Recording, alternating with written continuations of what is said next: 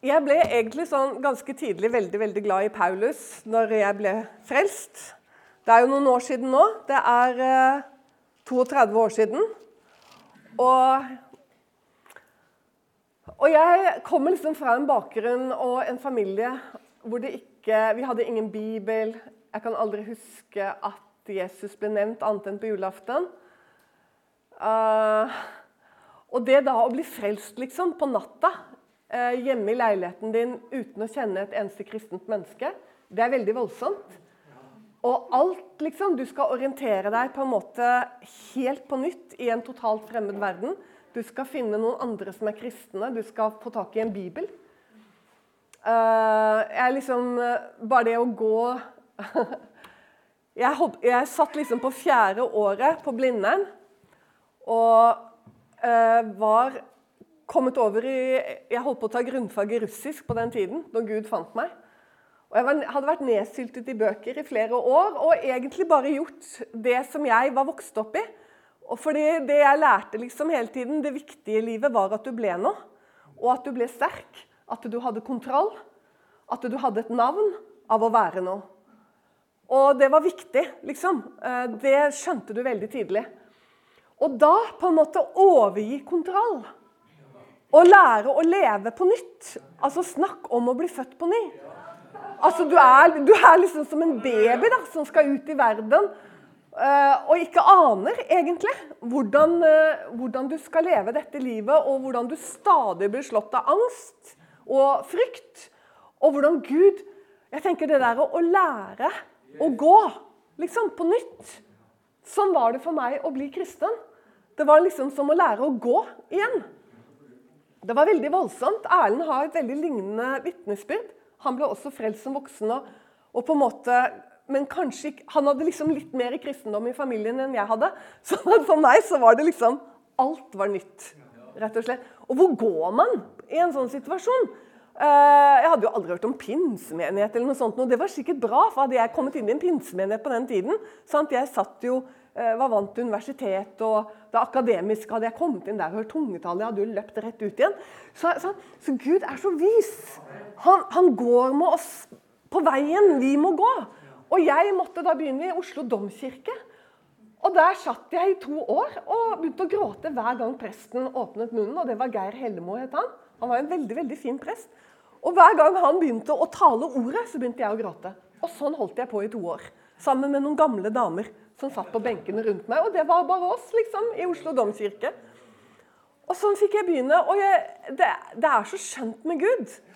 Uh, og jeg tror jeg ble så utrolig glad i Paulus, fordi Paulus skrev så mye om dette å være liten, å være skrøpelig, å være svak.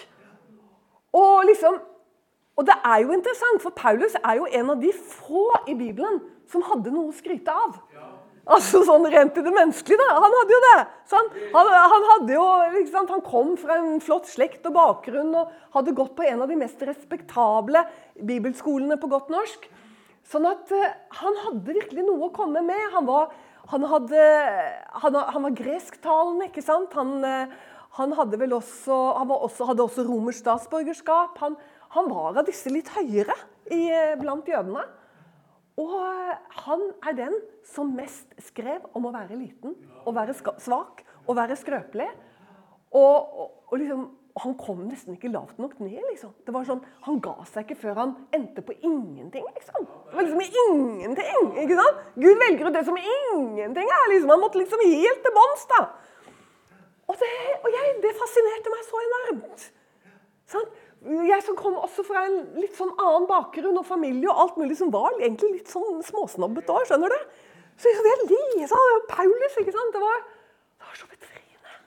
Sånn? Når du er flasket opp i prestasjon, og så vil du si det er prestasjon Og når jeg ble frelst, så ble jeg ganske grundig frelst. Så var det noe jeg fikk lov å legge av. Så var det dette med prestasjon og forestilling. Det ble jeg så ferdig med. Og det tror jeg har hjulpet meg voldsomt inn i den tjenesten jeg skulle ha. Fordi at eh, Jeg har mange skrøpeligheter og feil, det er ikke noe tvil om det. Og jeg er fullstendig klar over dem, hvis du skulle eh, være i tvil om det. Jeg er veldig klar over dem, altså. Men det er jeg tror én ting jeg ikke har så mye av. jeg, jeg har ikke så mye menneskefrykt i denne sammenheng. Hva andre mener om meg, og hva jeg taler. Og det tror jeg nesten jeg ble løst fra når jeg ble frelst. Altså. Det var liksom noe sånn, Jeg var så ferdig med det å forestille seg å prestere. skjønner du, Å holde på å ta seg ut i kjøttet og få seg titler. Jeg var helt fullstendig løst ifra det. Men så var det så snålt når jeg da kom inn i pinsebevegelsen, så tror jeg jeg kom inn i en tid hvor det var en sånn krysningstid. Så jeg følte at jeg ble kjerringa mot strømmen på et vis. For jeg følte at alle gikk i motsatt retning. Liksom, for nå, liksom, nå gjaldt det plutselig.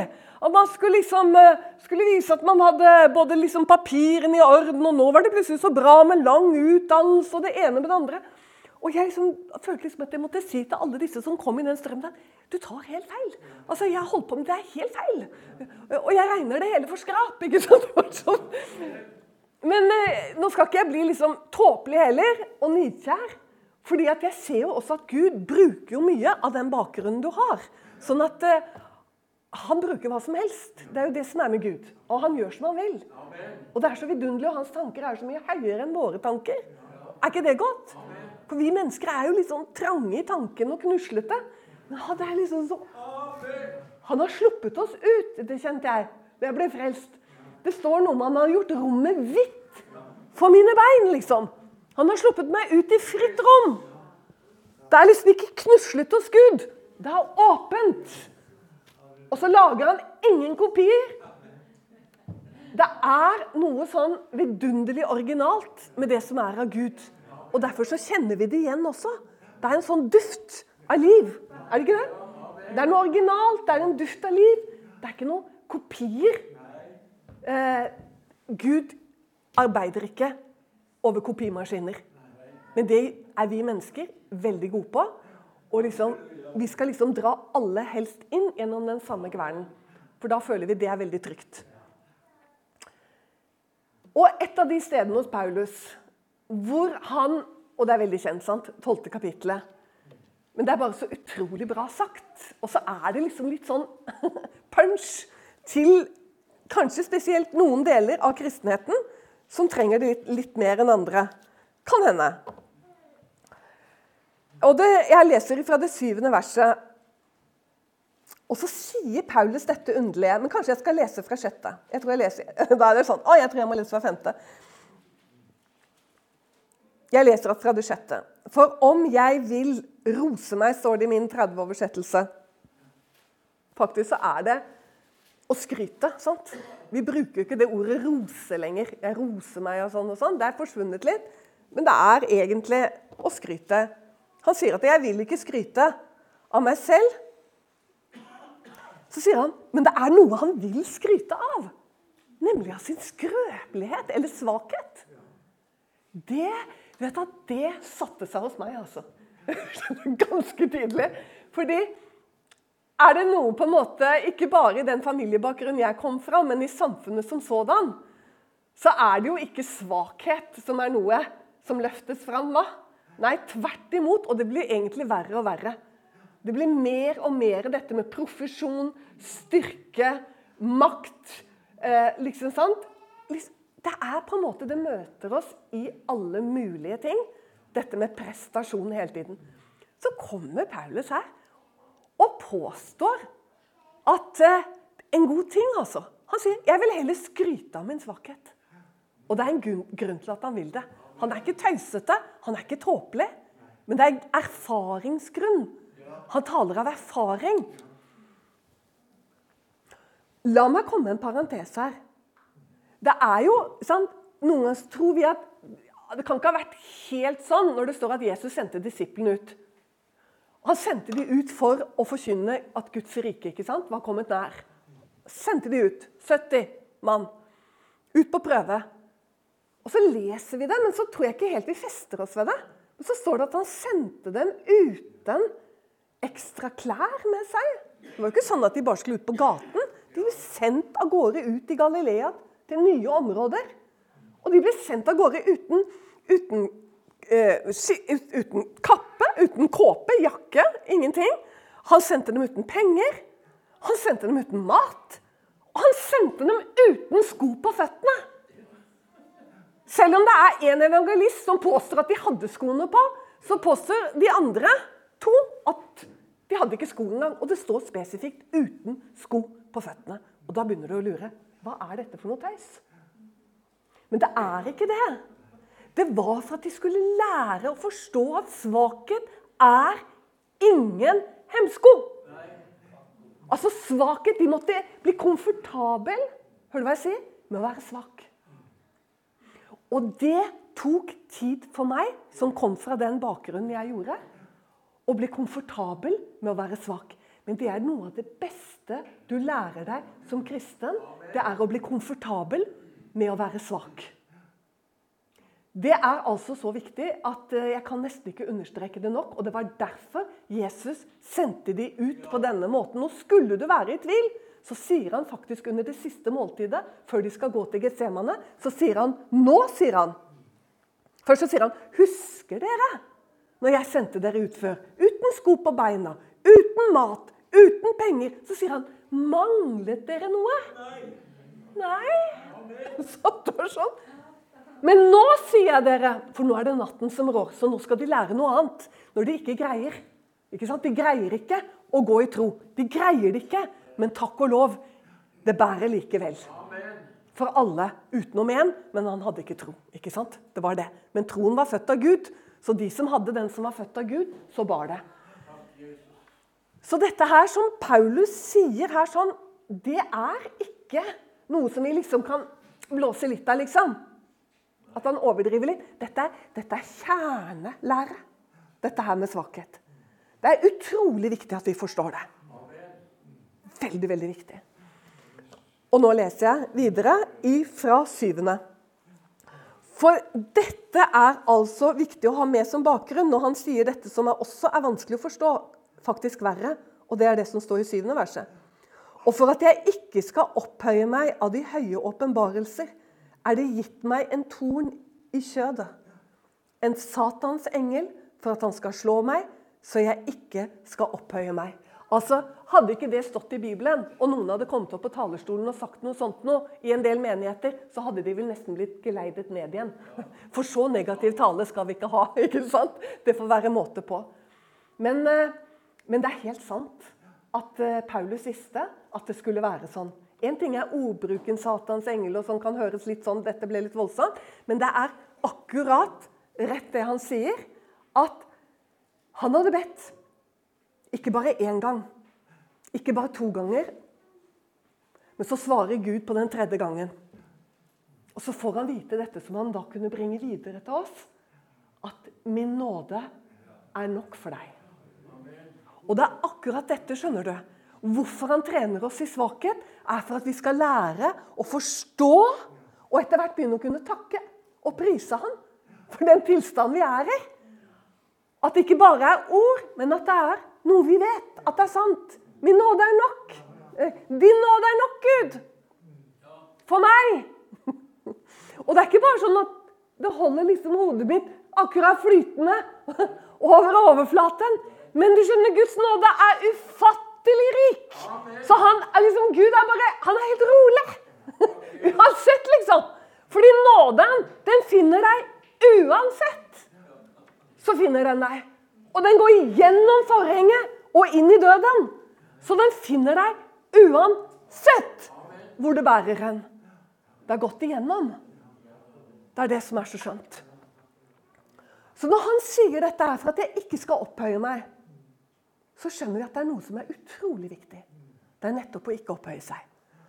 Det er noe med det å ikke bli svær i seg selv. Og det kan gjøre meg litt sånn urolig, fordi jeg får sånn følelse noen ganger at det blir litt sånn underkjent i en del sammenhenger i vår tid. Hvor det blir liksom for mye på en måte fokus mot oss. For det, Og så tenker man liksom Ja, men hva var det for noe som Hva var dette tornet? Sånn. og det kan jo ikke ha vært sykdom, er det noen som sier. Og for all del, du kan ikke Nei, ikke vær så rask til å si det. Det jeg vil si der, er at han sier ikke direkte hva det er. Men jeg kan si deg hva det er. Og det er at det er svakhet. Og det er helt uinteressant hva som skaper svakhet. For det som gjør at nåden fullendes, det er jo nettopp svakheten. Og det er det som er riktig. Og det skjønner du, har han i alle våres liv. På en eller annen måte. Og noen av oss har kanskje til og med bedt om å bli kvitt det. Og så blir vi ikke kvitt det. Jeg har det, noe i mitt liv, hvor jeg hørte. Ikke sånn som Paulus hørte, men allikevel nok til at jeg skjønte at det var Gud som talte. Min nåde er nok for deg. Og jeg må leve med det, sannsynligvis. Men halleluja! Jeg lever lykkelig med det. Og det vil jeg at du skal se. For jeg tror det sitter noen her i dag som kanskje har bedt både én og to ganger. Men Guds nåde er nok for deg. Guds nåde er nok for deg. Det betyr ikke nå? Jeg må si det selv om jeg tror du skjønner det. Men jeg må si det, for det er alltid mulighet for at en og annen kan misforstå. Det betyr ikke at jeg ikke mener at ikke Gud kan helbrede, at ikke han kan fjerne ting i livene våre, at han ikke utfrir, at han ikke løser. Alt dette, selvfølgelig. Men så er det også samtidig dette gullet med svakhet. Fantastisk å si det høyt. Det er så bra! Fordi at det løser oss og hjelper oss og frir oss. For vi er så preget av dette prestasjon og styrke. Og kanskje mennene enda mer enn kvinner. Kanskje har vi kvinner en liten fordel der. Det tror jeg kanskje. Enn eh, en mennene. At mennene har fått enda mer dette her med seg. Og det har jo noe med både ja, med biologi og tjeneste og mange ting. Men det er en fantastisk eh, eh, kunnskap. Jeg får litt lyst til, for å illustrere det, kanskje spesielt for dere som er litt yngre enn meg, som er på møte i, i dag Fordi jeg fikk en lærepenge på dette en gang jeg på en måte prøvde å kaste meg litt inn i sånn eh, Nå skal det tros. Skjønner du? Nå skal det tros! Og da lærte Gud meg en lekse. Da sendte han meg rett og slett litt sånn av gårde uten sko på føttene, uten penger og uten klær. altså. For at jeg skulle lære noe. Fordi at det var i utgangspunktet og har alltid vært ganske fremmed for meg sånn type kristendom som prøver å blåse seg opp. Altså liksom sånn at Det, det er en litt sånn misforstått eh, forståelse av tro noen ganger. da. Sånn? Fordi vi var to søstre i en menighet. Eller rett og slett, Jeg hadde fått muligheten til å komme til Ukraina. og Den historien skal jeg ikke fortelle, for den er lang. for Det var under et opphold tidligere hvor jeg kunne komme og undervise uh, i uh, et ungdomsfengsel. Og ha bibelundervisning med ungdommene i, uh, gjennom sommeren. Men så spurte jeg en annen det er godt å være to, en annen, en søster i menigheten om hun kunne bli med meg å reise til Ukraina. For jeg hadde ikke så veldig lyst til å reise dit alene. Spesielt fordi jeg ikke kunne fly. Jeg måtte få tak i en bil, for jeg hadde ikke råd til eh, flybillett. Og hun var en eh, litt sånn sprek type. Å ja, gjerne, sa hun. Men, men eh, sa jeg, men, men jeg, jeg, vet foreløpig ikke, ikke, hvordan vi skal komme oss dit. Men, men, Gud skal hjelpe oss, sa jeg. Og vi kan, jo, vi kan jo høre med noen om vi kan låne en bil. Og så sier hun ja, men kan vi ikke bare spørre forstanderen? Og på den tiden var det Ludvig Carlsen. Ja, det gjør vi, sa jeg. Så ringte jeg til Ludvig. Og så forklarte jeg vårt ærend. Og om vi kunne få lov til eh, Kanskje han hadde tilgang på en bil som vi kunne få lov å låne? Å ja da, jenta mi, sa han. Det er klart at du skal få en bil. Mm. Ta kontakt med meg om 14 dager, sa han. Så skal jeg ordne en bil til dere. Men etterpå så ble vi litt sånn, vi kjente jo Ludvig litt, så ble det sånn Å, Guri, vi må be om at dette blir en skikkelig bil. Og Kristin var helt enig. Og hun var nok litt mer sånn, hun var litt mer der, vet du. Så sa Eva, nå skal vi be, sa. Og nå skal vi be fram en skikkelig bil, sa hun. Ja vel, sa jeg. Og jeg liksom, tenkte nå hadde jeg også lyst til å få den troen der, liksom. At nå skulle det bli noe skikkelig greier. Ja da, sa hun. Nå skal vi be om at vi får en Det må være noe nytt, sa hun. For vi kan jo ikke reparere bil, så det må være noe nytt og flott. Ja, Kanskje en Volvo eller noe sånt? sa jeg. Noe trygt noe? Ja, vi, vi, ber om en Volvo eller en Mercedes, sa hun, for hun ville hakke høyere opp. Ja, Da ber vi om det, sa jeg. Og vi ba, vet du, og vi gikk der vet du, i bønnemøtene. Og vi, vi ba ikke, vi bare takket Gud, for nå hadde vi liksom fått litt tro. da. Så vi bare takket Gud for en Mercedes. Så jeg hang meg på henne litt, skjønner du? For jeg har aldri helt vært der, da. Men jeg hang meg på. Så vi gikk bare frem og tilbake der og takka Gud for Mercedes. At den var på vei. Så jeg var veldig spent når jeg ringte Ludvig en 14 eh, dager da, etterpå. Og da var det litt sånn eh, Ja, sa han. Jo da, det stemmer det, Eva. Jo da, den er klar, den. Den står på Kløfta, sa han.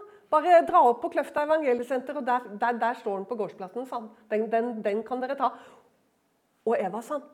Jeg har lagt hendene på den, sa han. Og så har jeg velsigna den. Og da ble jeg litt så, da begynte jeg å tenke litt hva, Var det noe varsel her, eller hva er dette for noe? Og når vi da kommer til Kløfta, til evangeliesenteret der og jeg, og jeg tenkte Jeg bare håper ikke at det er den der, tenkte jeg. For der sto det et hva skal jeg si, et rykkel. Av noe som så veldig gammelt ut. Og jeg vet ikke om Det, det var enten Masta eller Fiat. Jeg tror det var Fiat. Og det var en gammel årgang, altså. Og vi gikk bortover og vi Nei, nei, nei, nei. nei. Men OK. Vi hadde jo bestilt fergebillett, og vi skulle av gårde. Og vi hadde avtale med ungdomsfengselet og i det hele tatt. Men du, det er en lang historie, dette. Jeg må bare prøve å gjøre den litt kort. Men altså, apropos vi hadde ikke kommet over på svenskegrensen før vi skjønte at det gikk ikke an å låse eh, bagasjedøren. Og vi hadde jo hele bilen stappet fullt av gaver til alle gutta i dette fengselet. Men ok, det var ingen stor greie. Men vi hadde ikke kommet mer enn en time inn i Sverige, tror jeg. På tofelts motorvei der sånn. Og så smeller det noe voldsomt. Og jeg inn med bilen på siden og ut, vet du, og ser under bilen hele eksospotta var falt ned. Altså Ikke hele, men den hang og dinglet i den ene enden, og resten lå rett ned. Og hva gjør vi, Kristin? Og da tenkte jeg på moren min. Hun, vet du, når jeg var barn, vi, vi punkterte stadig vekk på veien til Bergen. Og vi reiste til Bergen ved enhver anledning, for min mor var fra Bergen. Og hun, når vi punkterte, så var det ut i veien og så gjorde hun bare sånn. Helt kontant bergenser. Og da var det alltid sånn at nesten den første bilen stoppet. Hun var ganske vakker, men eh, det kan ikke bare ha vært det. Det var helt andre tider. Og menn var litt annerledes på den tiden. Og de ut, og så sa de har, de har de problemer, frue? Ja, punktert, sa hun. Ja, men det er ikke noe problem. Og så brettet de opp, og så ordna de hele greia. Så jeg tenkte jeg gjør som mamma. Så jeg gikk ut i veien, og så gjorde jeg bare sånn. Og så stoppet en bil etter en, etter en god stund. Og så sa han ja, er det noe jeg kan hjelpe med. Sier ja, du skjønner, ekspospotten har falt ned, sa jeg.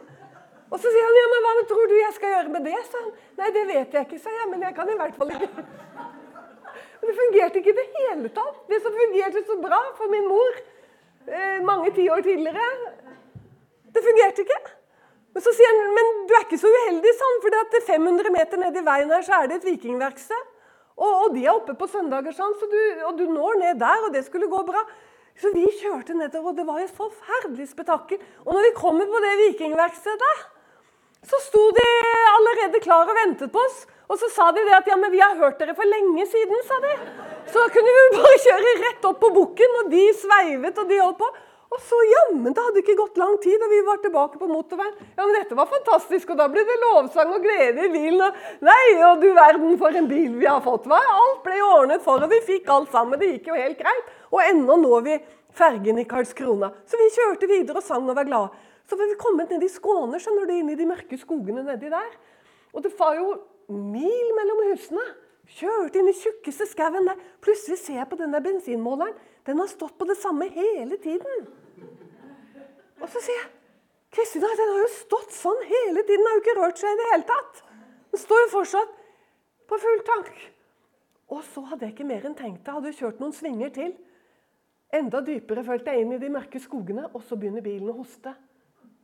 Og den hostet. Og det var bare om og om og hump og hump, hump, hump, hump, hump rundt svingen. Og det var tomt. Det var tomt for bensin. Og det var bare Skjønner du? Jeg vet ikke om du noen gang har vært tom for bensin. Jeg har aldri gjort det siden. Men det er sånn. Da bare Før du stopper helt, sant? Men du skjønner, da var jeg blitt så velsignet av det som hadde skjedd. Så plutselig så fikk jeg ekte tro. Ordentlig tro, liksom. Ikke sånn der å blåse opp. Jeg fikk ordentlig tro. Så jeg sa bare 'I Jesu navn, nå går du', sa jeg. Og den bare retta seg opp, og så For du skjønner, vi kunne ikke stoppe der i skogen. Det var helt umulig, det. Så den bare skjerpa seg, den der lille Fiaten. Og det var slutt på hostingen. Og så sto det plutselig campingplass en kilometer, og den kjørte inn på campingplassen. Og der knelte den. Og da var det full stopp. Da var det fullstendig stopp. Ut kommer det en mann. Jeg mener han må ha vært 1,95, kanskje mer. Skåning. Har ni problemer, med flikkor? Ja, sa jeg. Vi skal til Ukraina, vi har ikke bensin. Så sa han ja, men det er ikke noe problem, han, for det har jeg, sa han. Og så forsvant han inn i garasjen. Det var så underlig alt som skjedde. Det var helt fantastisk. Det var jo akkurat dette her som disse disiplene opplevde. ikke sant? De kom glade tilbake og sa at til og med åndene er oss lydige. De var så glade. De hadde sikkert fått sko på føttene og kanskje litt gull i beltet. hva vet jeg. Og matpakka hadde de sikkert også fått. De hadde fått alt. Dette er ikke tøys. Det er sånn Gud er. Problemet for oss i Norge skjønner du, det er at vi har fullstendig alt og sikring på alle bauger og kanter. Vi har både matpakke, vi har, vi har penger, vi har, vi har, sko på beina. Vi har alt vi trenger. Det er liksom, det er liksom sånn Du må nesten reise ut i misjon, vet du. Liksom for å virkelig oppleve dette her. Og det fikk jeg jo heldigvis anledning til etter ni år på eh, Pym. Og fikk lov til å oppleve virkelig når jeg var ute i feltene og hver eneste gang ble etterlatt i svakhet. Men for å gjøre denne historien, for den slutter ikke riktig ennå. For vi kom oss på fergen i Polen, for du må ha med deg det siste stykket her. Når vi kjører av fergen i Polen neste dag, så har vi kjørt en halvtime. Og glade var vi. Og så smeller det igjen. Kjære Gud, ut av bilen. Ser under og nå hadde eksosrøret falt ned på den andre siden. Så nå gikk det ikke an å kjøre forover lenger. Nå måtte du snu bilen, og så måtte du kjøre baklengs. Og jeg gikk ikke ut i veien og prøvde å stoppe en polakk, for det skjønte jeg at det er det jo ikke noe vits i å gjøre. Så vi bare, Nå hadde vi fått litt mer tro og glede, så vi bare snudde bilen. Og så rygget vi på veiskulderen, og så sang vi og priste Herren mens eksosrøret hang og dinglet på den ene siden. Du, jeg tuller ikke. Vi var så sikre på at hjelpen var underveis. Og det var den. Vi rygger nærmest på dette verkstedet, som ligger litt ute i åkeren. Og når vi kommer dit, og dette er sant, dette er ikke sånn røverhistorie så Når vi kommer der, så står han og venter og sier det samme. 'Jeg har hørt dere for lenge siden', sier han. Opp på bukken, og jeg sier det er polakker, sveiser mye bedre enn svensker. For nå holdt det til inn i Ukraina, og hele veien hjem igjen til Norge. Så dette her som står her, hvor han sier at han vil skryte av sin svakhet. Jeg mener denne bilen har blitt for meg som bilde på kjøttet. Altså, det er svakt, og det er skrøpelig. Og det som er problemet vårt, dere, det er når vi begynner på en måte og liksom prøver å gjøre oss til i kjøttet, og skal liksom få det til. For da ikke bare plager du deg selv og lager problemer for deg selv, men du gjør det også for de som er rundt deg. Og så går vi glipp av velsignelsen. For du skjønner, velsignelsen, det er som han sier, den blir fullkommengjort.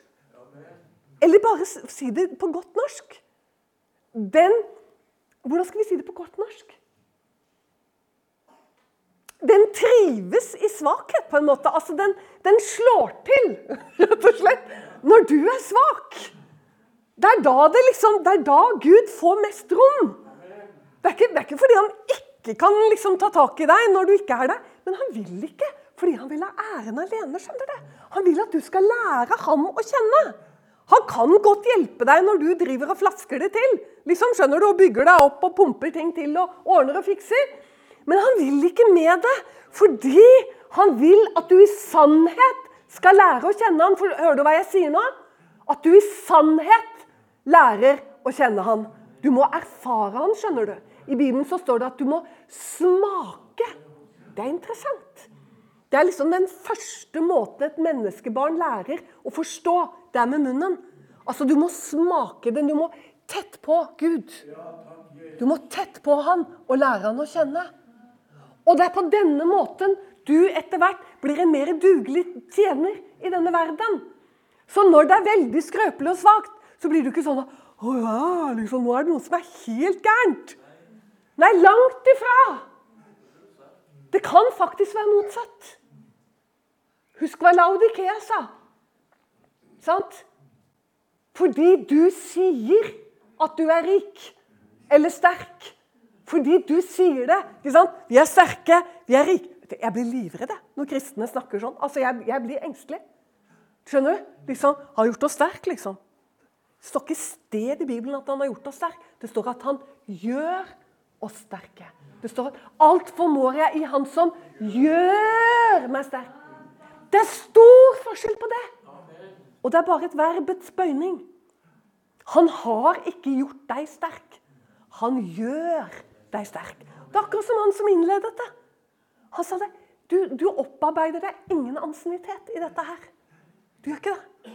Altså, du er, Det er liksom tilbake til scratch stadig vekk. Tilbake i svakhet. Tilbake til nullpunktet. Og, og det behager Gud å holde oss svake. For at rikdommen, den rike kraften, skal være av Han og ikke av oss. Kjære venner, la ikke dette være ord som du har hørt tusen ganger før. Men du skjønner, Det må smelte sammen med troen i ditt hjerte. Hvis ikke blir det deg ikke til gagn. Hvis du liksom sitter her og sier at ja, dette har jeg hørt før, liksom, det hjelper jo ingenting om du har hørt før. Det kan faktisk være tegn på at du ikke har hørt. Jesus sa, 'Se til hvordan dere hører'. Forstår du? Ja, Hvordan kan jeg se til hvordan jeg hører? Jo, rett og slett må, Vi må ta det til oss. Dette, dette er sannheter. Vi må lære ham å kjenne. Og derfra, dere, så har jeg lyst til å gå til Jesaja 51. Det er et veldig godt råd som står der. Og da er vi på en måte litt i samme leia. Fordi profeten sier til oss som søker rettferdighet Vi som jager, står det. Vi som søker Herren og jager etter rettferdighet. Her snakker han litt til oss kanskje som driver med, hvis, man, hvis det er noen som driver med selvstrev, så snakker han til deg nå og ber deg om å spisse ørene. Du som stadig blir anklaget, og lar deg anklage, kanskje. Husk at, husk at Den hellige ånd taler lite oppi her. Og han taler her. Det er viktig å lære seg å skjelne. Du som stadig er under anklage. Du som, du, som, du som kommer lett under selvstrev. Hør hva profeten sier. Han er troens far, og han er viktig for oss Abraham. Fordi Paulus sier nemlig noe nydelig i Galaterbrevet. Og det står i det tredje kapitlet. og Vi bør ikke gå dit. Men der sier han at Abrahams velsignelse har kommet over hedningene i Kristus. Utrolig viktig. Altså, Så vi er i velsignelse. Vi, vi har fått samme kår som Abraham. Og da blir det viktig å høre hva Jesaja sier her. For han sier Se på Abraham. Se på ham. Og hva er det han spesielt er ute etter at vi skal se? Jo, han vil at vi skal se noe spesielt, nemlig at da han bare var én Og her er han jo litt snill, for det er ikke bare det at han var én, men han er heller ikke den ene vi i vårt i vår menneskelige tenkning ville utvalgt. ikke sant? Hvis vi skulle sette i gang et veldig prosjekt, så hadde vi ikke gått til Abraham. Det kan du være helt sikker på at vi ikke ville gjort. Det ville vi ikke gjort. For vi ville nemlig tatt noe som var ungt og sterkt. Ik ikke for ungt. Vi ville tatt en mann i 40-årene antageligvis. På høyden av sin styrke. Det er sånn vi tenker. Her har vi det igjen. Og det er derfor Jesaja sier det. Se på Abraham. Da han bare var én, og ikke bare én, men en gammel mann. En svak en. En som var svak. En som var skrøpelig. Og ikke bare han, men også hans kone Sara. Begge to. Og så står det Jeg kalte ham. Jeg velsignet ham. Og jeg gjorde hans ett stor. Ja, det var noen som våknet. Du skjønner det at Gud har en sterk vilje. Vi glemmer det noen ganger. Skjønner du? Fordi vi vet så mye hva vi vil hele tiden. Så Vi har jo en voldsom vilje vet du, som mennesker. Og ofte så blander kjøttet seg inn. Men Gud har en vilje. Og den viljen var jo først og fremst at han utvalgte oss mens vi enda var syndere. Altså Hele initiativet er hans når det gjelder deg. Du hadde ikke vært der hadde ikke vært for at han ville ha tak i deg. Og han, han er sterk. Han er sterk. Han er veldig sterk. La oss gå til tolvte kapittelet i første Mosebok. For maken til vill i løpet av få setninger har jeg ikke sett i Bibelen noen gang. Andre verset. Altså, Det han ber Abraham å gjøre, og, og det han ber Abraham å gjøre Han ber først Abraham å gjøre noe. Han snakker til Abraham og ber han om å gjøre noe. Og han sier, 'Dra bort', sier han. Så det Abraham måtte gjøre, det var å dra bort. Saken er at når Gud talte, så ble det født en levende tro i Abraham. Ellers hadde han aldri gått. Han hadde aldri gått. Det er umulig å gå i en sånn situasjon som han var i. Det er å gå i dag, men å gå den gangen hvor hjemmet ditt, slekten din, ætten din Det var alt du hadde. Det var hele din sikring. Det fantes ikke individualister sånn som i dag. Familien din, stammen din, det var alt du hadde. Gå bort, liksom. Fra din fars hus, fra hjemmet ditt, fra byen din, fra landet ditt, og gå til sted. Du aner ikke hvor du er. Abraham måtte. OK, jeg går. Altså, han trodde. Og fordi han trodde, så begynte Gud. Og det er klart det slår denne hellige viljen inn, som er i ditt liv. Hør her, Det er denne velsignelsen du har kommet inn under. Det er en hellig, utrolig sterk vilje over livet ditt. Som vet hva han vil. Han vet hva han vil. Og så kommer dette her altså Jeg tror det er fem vil jeg, i løpet av noen få setninger. Dra bort fra ditt fars hus og fra ditt land til det landet jeg vil vise deg. Altså, her har du en Altså, så Abraham, du bør ikke vite. Du bør ikke engang vite hvor du går. For jeg vil vise deg det landet. Og ikke nok med det. Jeg vil gjøre deg til stort folk. Og jeg vil velsigne deg. Og det er dette du har kommet inn i i Kristus. Altså, det er hans Nå roper jeg veldig, men jeg kan ikke la være. Altså, det er hans vilje å velsigne deg. Det er det han vil med deg, å velsigne deg. Det eneste du behøver å gjøre, er å tro og gå. Fordi at tro er å gå. Eller å tale. Eller å tie. Det er alltid handling, i den grad også det å tie kan være en handling. Forstår du? Altså, tro vil alltid være noe. Så, Derfor så sier Jakob at det fins ingen tro som ikke er gjerninger. Fordi troen er levende. Sant? Så idet denne tro er født Og det, det, er jo Gud som gjorde det òg. Det er jo han som er født den. Du kan jo ikke ta deg til den. Den må være født av Gud.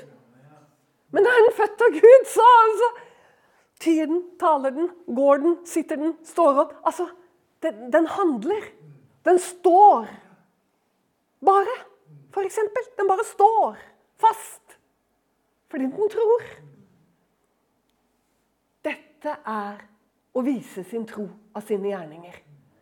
Og du leser det gjennom hele Bibelen, av alle troens menn og kvinner. Gud vil velsigne oss som han velsignet Abraham. Og så sier han til Abraham at han også vil gjøre navnet hans stort. Og han vil at det skal bli en velsignelse, og han sier at 'jeg vil velsigne den som velsigner deg'. Og så sier han at 'jeg vil forbanne de'. Vet du hva? Det er helt fantastisk. Du finner ikke så mange vil noe sted i Bibelen, altså, som her. Men det er se på Abraham. Det var det du skulle se. med å se på Abraham. Han blir en sånn enorm patriark at vi har litt problemer med å helt se han som en av oss. Men det er litt rart, for Abraham er veldig en av oss. Han er veldig en av oss. Jeg vet ikke om du har lagt merke til det? Altså, ja, han, han er troens far, og, men det er jo ikke noe å rose seg. Altså, Han har jo fått en tron. Så det er jo ingenting å rose Abraham for. Han har fått den. Og der, og der, og der bommer han ikke. Så hver gang Gud ber han om noe, så gjør han det jammen. Han gjør det, vet du. Men det gjør nok du også. Det har sikkert skjedd at du ikke har gjort det, og da har du hatt det vondt. da. For det er vel da vi har det vondest. Det er når vi, ikke, vi faktisk ikke gjør det. Men, eh, men hører du hva jeg sier her? Abraham, der har du ikke så mye å plukke ham på. Men ellers så ser du jo at han Hva med skrøpeligheten hans og svakhetene hans? Da er ikke det ganske synlig? Er det ikke bare ganske utrolig synlig? Han har ikke mer enn kommet inn i Kanan, så blir det hungersnød. Og Gud har jo sagt at han vil velsigne han og gjøre etten hans stor. og alt dette er sånn. Men han er menneske. Han er, han er svak. Han blir redd. Han tør ikke å være der lenger, så han rømmer til Egypt, liksom. Og han har ikke mer enn begynt å nærme seg Egypt. Så finner han ut at nå må vi lyve, Sara. Sara, nå må du lyve og si at du er søsteren min og ikke kona mi. For det er jo ikke helt en løgn, da, for du er jo halvsøsteren min. ikke sant? For det var hun jo. Hun var halvsøsteren hans. Så det er jo liksom litt sånn, det er jo sånn vi òg kan gjøre, vi kristne. at En hvit løgn er jo ikke så farlig. liksom. Så, så nå sier du bare det. Hva var det? Tenk på det. Ja, men tenk på det. Hvor svak han er. Hvor utrolig svak han er. Det er ikke sikkert engang du har vært i en sånn situasjon at du utsetter konen din for ja, Du skjønner jo selv hva, hva som kan skje her. Du, du skyver jo konen din foran deg for å redde ditt eget skinn. Det er alvorlig, egentlig. Det er en voldsom skrøpelighet. Jeg syns det er så godt egentlig å se at disse svakhetene sant? Iblant oss av disse her som vi er litt skammer oss over og prøver å skjule. Vi vil i hvert fall ikke at noen i menigheten blir klar over at vi er plaget av dette. Eller, forstår du? Det er utrolig dumt at vi er sånn. Fordi det virker ikke som det var et stort problem for Gud, dette her. Det er det som er så rart. For det skjer jo faktisk at de tar Sara. Farao tar Sara. Gjør han ikke det? Jo. Og, og hele hans hus kommer i elende pga. Abraham. Det er ikke Abraham som får problemene fordi han har løyet og stukket og ført Sara foran seg. Det er ikke Abraham som får problemene. Det er faraos hus som får problemene. Han, altså, han blir bare slått av forbannelser pga. Sara. Altså for Abrahams skyld. Og så kommer han helt fælen, for det. Gud sier det kanskje til han. Ikke vet jeg hvordan han plutselig nå vet at han vet at Sara er hustruen. Så sier han, 'Hvorfor løy du? Hvorfor sa du det?' 'Er du klar over hva du har gjort mot meg?' Ikke sant? Nå snakker jeg godt norsk.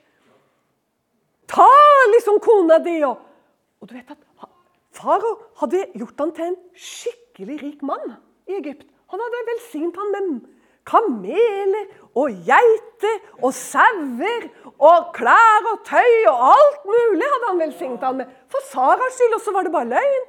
Altså, Jeg oppfordrer ikke her altså til fanteskap. Det er ikke det jeg oppfordrer til, men jeg vil at du skal se. Fordi ordet sier at vi som er i Kristus, har kommet inn under Abrahams velsignelse. Jeg vil at du skal få, ikke være så rask til å fordømme deg selv. Fordi at eh, Abraham kunne da virkelig gått og gnaget på dette resten av livet. Hva han gjorde. Og det var jo ikke småtteri. Men jeg sier deg at han reiste ut av Egypt som en svært velholden mann, en svært rik mann, men også en klokere mann. Gud holdt det aldri imot ham. Og jeg sier deg, Det var ikke første og siste gang, tragisk nok. Han gjorde det igjen med Abimelek og filisterne. Og da var det mye skumlere. Og da var han i gang igjen fordi han hadde frykt. Abraham slet med frykt. Han slet med at han ble redd. Han ble veldig redd, faktisk. Fordi tankene bar av gårde med Abraham. Men dere, Gud holdt det ikke imot ham, men Abraham gikk ut som en mer erfaren mann. Hører du hva jeg sier? Som hadde smakt og lært å forstå at Herren er god. Jeg er kommet inn i noe helt ufortjent. Jeg er kommet inn i noe helt ufattelig godt. Jeg er kommet inn i noe helt ufattelig godt. Det er helt ufortjent. Han er så god. Og du skjønner da, når Lot, som reiste med han ut vet du, av Karan, begynte å bråke med sine hyrder, og det ble krangel og det ble styr Å, guri mye styr det var rundt Abraham og med kona Sara. Hun var jo ikke bare enkel, hun heller. var. Og nei og nei, hun satte ting og holdt på, altså. Du skjønner det jo mellom linjene. Det var ikke bare enkelt. Og det med Ismael og, og denne her Hagar og Det var så mye problemer. Men det første var jo med Lot og tjenerne til Lot eller gjeterne til Lot og alt dette her. og Det nyttet ikke, og det ble krangel og greier. Og Lot går og sier at landet er ikke stort nok for begge. og sånn. Der ser du, Da har det skjedd noe med Abraham. For en tillit. Da er det ikke å rømme til Egypt, liksom. Du skjønner det? Han jobber med oss, men du må lære gjennom denne måten her. sånn. Hvor du lærer å se at her er det ingenting å stole på. Skjønner du? Du må se på Han som er troens opphavsmann og fullender Kristus. Abraham gjorde det òg, vet du. Han i tro. Det sier Hebrebrevet. Han så det langt borte og hilset det velkommen. Han så det. Han forsto, og han lærte der i Egypt. Og plutselig så står han der. Og så, og så sier han til Lot Og det var jo ikke Lot som fikk løftet om landet, var det vel?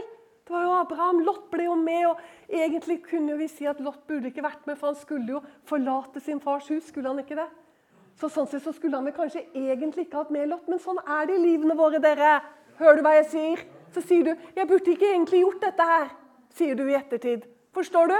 Og det var ikke Du, nå må jeg virkelig puste litt, for nå vil jeg at du skal forstå. De gangene i livet ditt hvor det ikke ble plan A, det ble plan B, og du klandrer deg selv. For jeg skulle ikke gjort det der.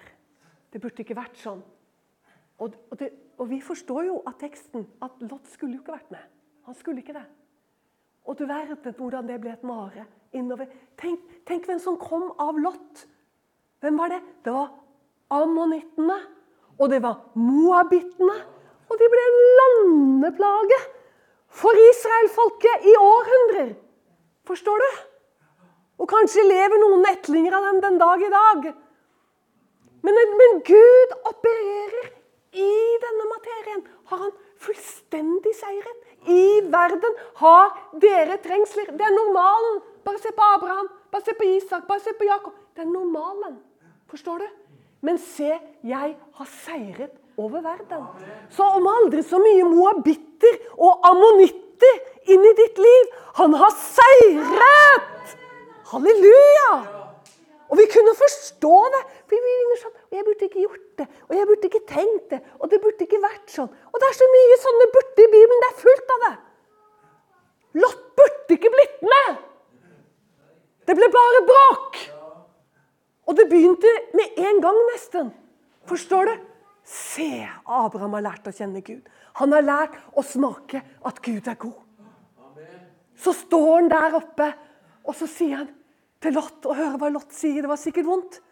Og så sier han, 'Lot, går du til høyre, så går jeg til venstre.' 'Går du til venstre, Lot, så går jeg til høyre.' Abraham, er du gal? Kan du si noe sånt? Det er jo du som har fått løfteslandet. Hva er det du sier? Hva stoler sånn på Gud nå? Han vet at han er med. Så var det sånn, Se hvor rause vi blir når vi skjønner dette her. Det er ikke så farlig. Vær litt raus med deg selv òg, da. Det er ikke så farlig. Forstår du? Så har han vel en plan B, da. Eller så liksom, Så ta det, da. Så tar jeg dette her. For du skjønner, Gud er med deg. Han er med deg. Immanuel. Han er med deg. Gjennom ild, gjennom vann. Han er med deg. Han slipper deg aldri. Han er sterk. Han er far. Han er med deg. Og så står Lot der, og så ser han ned på, og så ser han hele Jordandalen, den grønne, flotte Jordandalen. Det var der det vokste, det var der det spiret, det var der vannet rant. Og så sier Lot, og han er jammen meg ikke dårlig, han Lot hva? Så sier han, 'Jeg tar hele denne dalen her', jeg, sier han. Hæ? Så står du oppe i knusktørre Samaria. Og ser ned der sånn, for det var der de sto. De sto oppe i Samaria et eller annet sted nord for Jerusalem. Og ser ned der i Jordandalen, hvor alt er grønt og fint, og vannet renner. og og Han sier det er som Egypt, sier Lot. Jeg tar det. ikke sant? Det er som Nilen som renner der nede. Jeg tar det alt sammen. Så sier bare Abraham, bare ta det, du. ikke sant? Og da tenker jeg, når han gikk da, og du står der i tørre Samaria Halleluja, hvor mye mer velsignet Abraham ble, fordi Gud lærte Abraham at vannet i dette landet, det er under jordskorpa. Det er der det levende vannet er. Og han lærte Abraham å Hva da? Han lærte han å grave brønner. Han ble en sånn brønngraver at fortsatt en dag i dag så er store deler av Nord-Negev og Judeafjellene Fortsatt finner de disse brønnene og noen av de er 4000 år gamle, og noen er 5000 år gamle. Og jeg sier bare Jeg har vært der og sett på disse brønnene. Det er Abraham som er Det er garantert Abraham! Ah, det står om han, vet du. Fordi Isak gravde opp igjen alle sin fars brønner. Han bora Og han fikk levende vann, vet du. Han fikk vann som Det var der det gode vannet var. For dette landet drikker vann av himmelens regn. Så det var vannet bare rett gjennom kalksteinen ned i grunnvannet. Der lå hele herligheten. Og Abraham lærte det. Du skjønner, Det er sånn han driver med oss. Vi sitter der og øh, liksom, Alt er trangt. og så. Å, nød lærer naken kvinne å spinne. Det var ikke Bibelen, men det var allikevel mye visdom i den også. Halleluja, fordi Gud er med deg. For Gud er med deg. Det er vidunderlig. Og så, ikke sant bare, Nå skal vi se litt på Abraham, jeg skal gi meg snart. Men jeg, jeg blir så ivrig av dette. her sånn, For dette er virkelig så utrolig viktig å få med oss i livene våre. For vi anklager oss selv sånn. Sant? At det liksom har gjort dette her, og sånn er blitt. Sånn som dette, og se nå, og sånn. Men halleluja! Han er så mye større!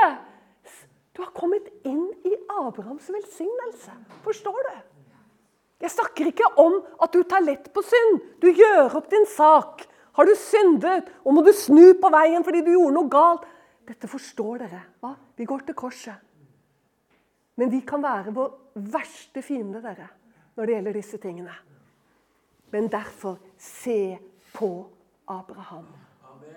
Han lærer sakte, men sikkert. Han faller igjen. Det går noen kapitler til, og så er han utpå igjen med filisteren. Og denne gangen er det enda skumlere. Fordi at nå har jo faktisk en Herrens engel vært på besøk og sagt at på denne tid til neste år skal Sara være med barn. Abraham hva? Nei, nei, nei, sier han. For han sier det, altså. La bare Ismael leve, liksom. For nå skjønner han plutselig at hele Saras styrerier, for å si det sånn Det var ikke Herren, det. Det var ikke Ismael han mente. Han mente virkelig at Sara skulle få barn. Sånn, forstår du? Da var det fare på ferde å begynne å lyve på kona. For nå skulle jo hun faktisk se et mirakel med henne. Hvor Abraham skulle være delaktig i dette miraklet. Forstår du? Men han gjør det igjen. Og kjære Gud, og enda en gang så velsigner Gud ham. Det er så ufortjent, alt dette her. Det er så ubeskrivelig ufortjent. Klarer vi å ta det til oss? At vi er kommet inn i denne ufattelige velsignelsen. Så når plan A gikk i lås, ja vel Da får du bare sitte og vente på plan B, da, at den åpner seg, for det gjør den. Amen. Jeg har våknet med et ord i dag morges fra Hosea i det sjette kapittelet. Og det skal jeg dele med deg nå. Og det var et ord som kom til meg når jeg var Det har jeg ikke sett på mange år. Men vi leser det fra vers 1 i sjette kapittel. Kom, la oss vende om til Herren. For det er han som har sønderrevet. For det var jo sånn jeg følte meg når jeg ble frelst. Totalt sønderrevet. Men han vil også lege oss. Han slo, men han vil også forbinde oss. Han vil gjøre oss levende etter to dager. Det er fantastisk. Og på den tredje dag vil han oppreise oss, og vi skal leve for hans åsyn. Tenk at så fikk jeg lese dette i etterkant. hva? Men så hør nå. Det beste var jo tredje verset. Så la oss lære å kjenne, og det ordet for kjenne her, det er helt intimt. Helt intimt. Så la oss lære å kjenne Herren. La oss med iver søke å lære ham å kjenne. Og så kommer det Hans oppgang er så viss som morgenrøden. Og han kommer til oss som regnet, som et vårregn som hveter jorden. Det sto på Ja, det hadde jeg håpet å si i bokhyllen i mange år, dette verset. Han, kom, han kommer til oss. Hører du?